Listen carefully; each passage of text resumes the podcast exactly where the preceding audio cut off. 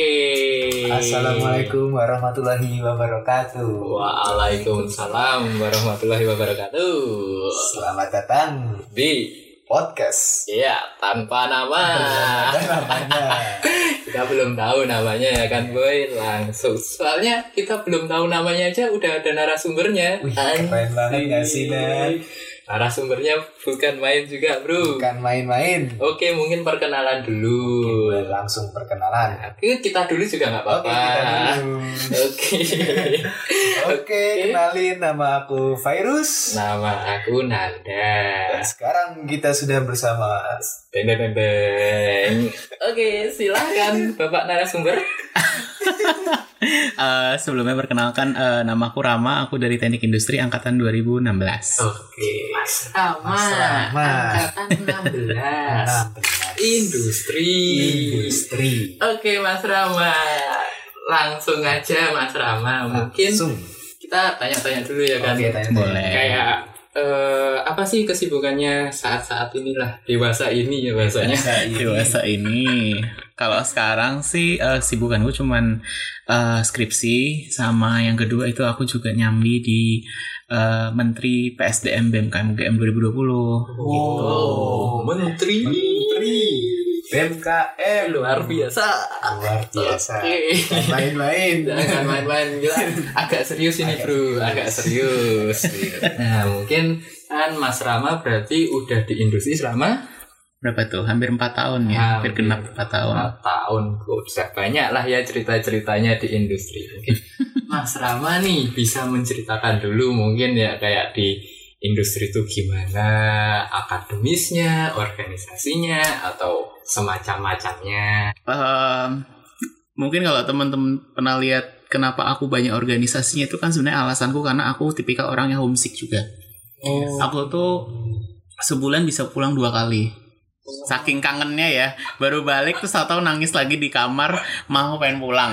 Itu sih ke Jakarta. Jakarta. Balik ke Jakarta terus gitu kan. Terus akhirnya mamaku udah nyerah bilang, "Ram daripada ngabisin duit pulang sering keseringan, kamu cari kesibukan aja di itu." Ya udah, kesibukan kita mulai nih. Awalnya kan dimulai eh, optimasi. Aku join kemarin tuh grupnya namanya apa ya? Milk Run. milk run Milk Run. Itu pas optimasinya zamanku, terus itu udah mulai ada bisnis yang minicode itu kan, Oke, minicode. Terus habis itu eh, apa namanya? bikin drama gitu-gitu. Terus habis itu eh, ada apa? pembicara-pembicara didatengin juga kan ngebahas pengalaman mereka di ini di organisasi, di lomba. Nah, terus aku mikir aku tuh udah keboro demotif gara-gara akademiknya kan. Terus ya udah deh satu-satu yang bisa aku highlight itu organisasinya sekarang. Nah, habis itu eh berhubung teknik industri itu ternyata nggak terlalu sibuk ya. Maksudnya ketika aku nanya ke teman-temanku yang lain teknik yang lain tuh ternyata kita lebih santai. Iya semester satu kan udah bikin belum. lapra Nah, itu dia kan. Tulis kita kan sementara belum kan. Kita Iya, masih betul. santai-santainya. paling gamtek ya mas Iya, ya? paling gamtek sih.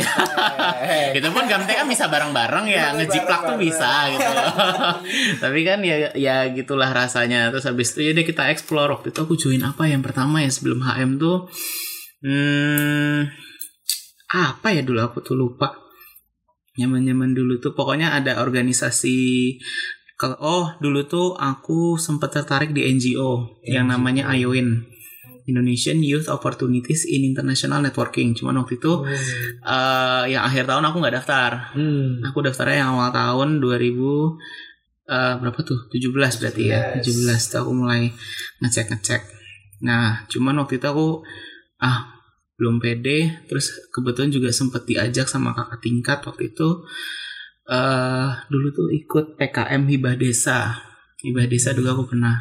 Dulu itu pertama kali aku cimpung di sponsor. sponsor Karena itu bidangnya sponsor kan. Nah, kebetulan aku Sponsor. polos banget sebenarnya untungnya itu ada cutting jadi sekalian belajar di situ sama dia terus habis itu eh, mulailah akademiku itu juga sekalian naik alhamdulillahnya tuh semester baru malah makin alhamdulillahnya naik gitu kan. Tapi ya targetku yang kumulot tuh belum kesampaian. Kumulot kan tiga setengah kan kalau di kita kan. Iya. itu tuh belum kesampaian. Aku tuh baru kesampaian tuh semester kemarin.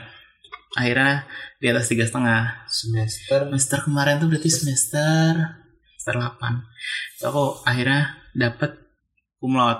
Nah cuman aku nggak tahu ya nanti kalau di wisuda kan oh, kalau kumlot kan lulusnya sebelum 4 tahun ya marka 4 tahun dia. Nggak tahu nih aku lulusnya kapan.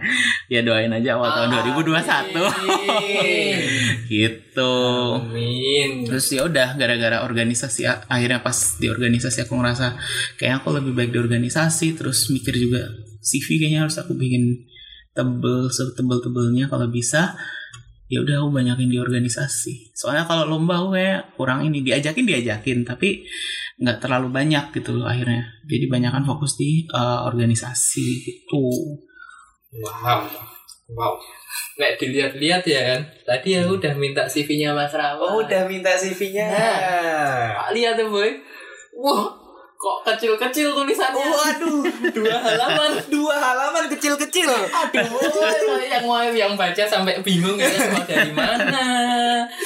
Wah, ini best first place best group case study solution. Wah, ini itu pas yang- IW Pas akhirnya menang gitu di IW Alhamdulillah. bertahun-tahun ikut bisa Itu kayak- menang Yang paling atas Yang paling atas. TOEFL 590 by Universitas Indonesia ITB. 590. Punyamu berapa, Rus? Tahu lah. Alhamdulillah lulus ASEP. Aduh. Kacau, kacau. Kamu gimana kan? Alhamdulillah. Alhamdulillah. Alhamdulillah. Alhamdulillah aja. Ikut UAS bahasa Inggris.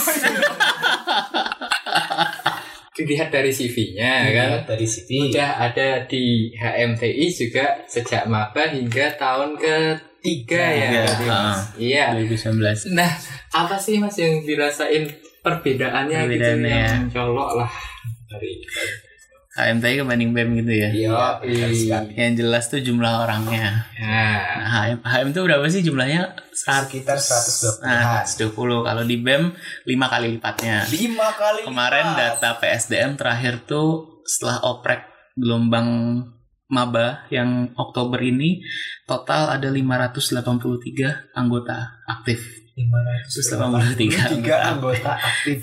itu emang signaturenya BMKM sih dia organisasi satu-satunya yang eh, cakupannya banyak banget ininya organ apa anggotanya itu sampai 500 tuh udah biasa cuman ya ya gitu waktu itu aku bahkan pas zaman bidding tuh kayak mempertanyakan kok bisa 500 itu dari mana gitu loh tapi ternyata pas aku telisik oh ya emang armada ternyata emang wajar 500an gitu terus yang kedua memang em, apa namanya isu-isu yang kita angkat jelas beda ya. Nah, HM kan dia orangnya juga orang-orang internal dalam gitu kan. Ya emang tujuannya emang buat industri doang. Kalau kita kan semua bidang, semua fakultas itu kita coba fasilitasin gitu. Bahkan aku di PSDM pun eh, ada program yang nge-reach out ke teman-teman 18 fakultas dan satu sekolah vokasi itu. Semuanya kita coba reach out terus dikumpulin jadi forum sahabat PSDM lah namanya Forsa gitu.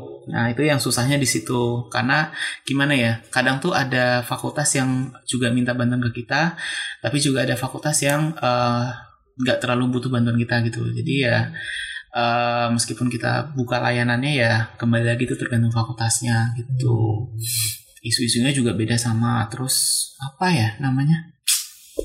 Bahasanya tuh eh interestnya juga beda, masanya juga akan beda. Kalau di kita kan di HM kan banyak kan yaitu programnya untuk anak-anak HM kan banyak kan kan. Nah, Kalau kita tuh eh banyak kan memang buat publik, buat umum gitu kan. wow. wow. Mengerikan. Sampai bingung ya kan. Mau ngapain lagi nih?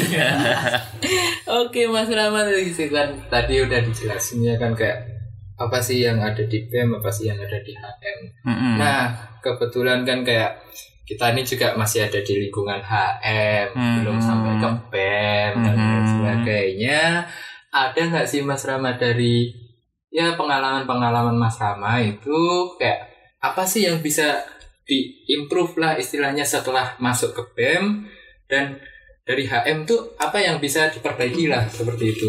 Apa Hmm. mungkin dari eh, sifat-sifat karakteristik dan lain sebagainya BEM bisa ditarik ke HM tuh yang seperti apa sih kayak gitu Hmm. Itu pertanyaan yang menarik ya. Soalnya sebenarnya aku banyak bawa budaya HM ke BEM-nya.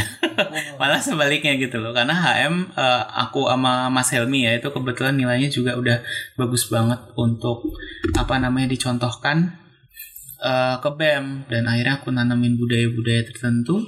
Habis itu setelah tiga bulan mereka mulai terbiasa. Terus jadilah PSDM yang sekarang gitu. Bahkan orang-orang tuh kaget oh TI itu belajar sumber dayanya bagus juga ya gitu. Ya emang iya kan kita manajemen organisasinya OMI kan ada OMI dasar-dasar OMI di situ. Nah itu orang-orang juga banyak yang kaget oh ternyata ada dasarnya di sini basisnya tuh ada di sini tuh orang oh ilmunya ada di sini. Gitu. Kadang tuh aku kalau ngomong sharing-sharing gini itu tuh sebutin teori-teorinya itu loh. Ini tuh ada di sini ada di sini ada di sini. Teorinya tuh gini gini gini. Bahkan tak snip gitu loh. Ini teorinya tuh dari si bapak ini gitu. Ada di sini semua itu dan mereka oh gitu gitu gitu sih Oke, terima kasih Mas Rama. Mungkin satu dua patah kata untuk closing statement untuk adik-adik maba atau untuk teman-teman yang ada di industri hmm. untuk menjalani kehidupan kuliah setelah itu mungkin Mas. Oke, mungkin yang perlu aku bilang itu karena kebetulan aku juga ngeliat di teman-temanku ya. eh, yang perlu kalian lakukan adalah satu evaluasi diri, lihat kamu tuh mau di kuliah. Karena di kuliah itu adalah masa trial dan errormu. Itu satu-satunya masa yang paling aman untuk trial and error. Yang kedua adalah kamu mau break dari comfort zone-mu atau enggak gitu. Kalau aku saranin break gitu. Jangan misalnya nih, oke aku main di HM, oke itu boleh. Tapi kamu nggak mau ngerasain po organisasi di luar gitu loh. Karena kalau HM kan ya orang-orangnya juga teman-temanmu. Kamu nggak akan ngerasa dinamisnya tuh lebih-lebih lagi di luar gitu. Makanya kemarin akhirnya aku memutuskan yaudah lasir aku all out ke BMKM gitu.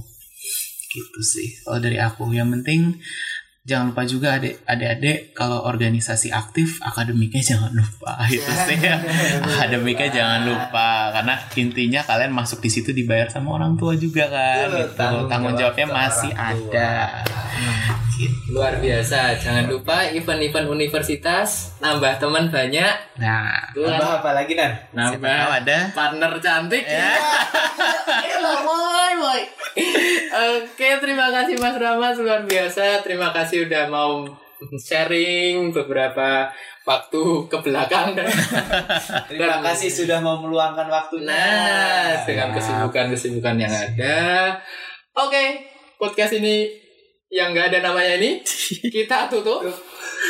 Wassalamualaikum Warahmatullahi wabarakatuh. Eh, tapi jangan lupa tunggu podcast selanjutnya.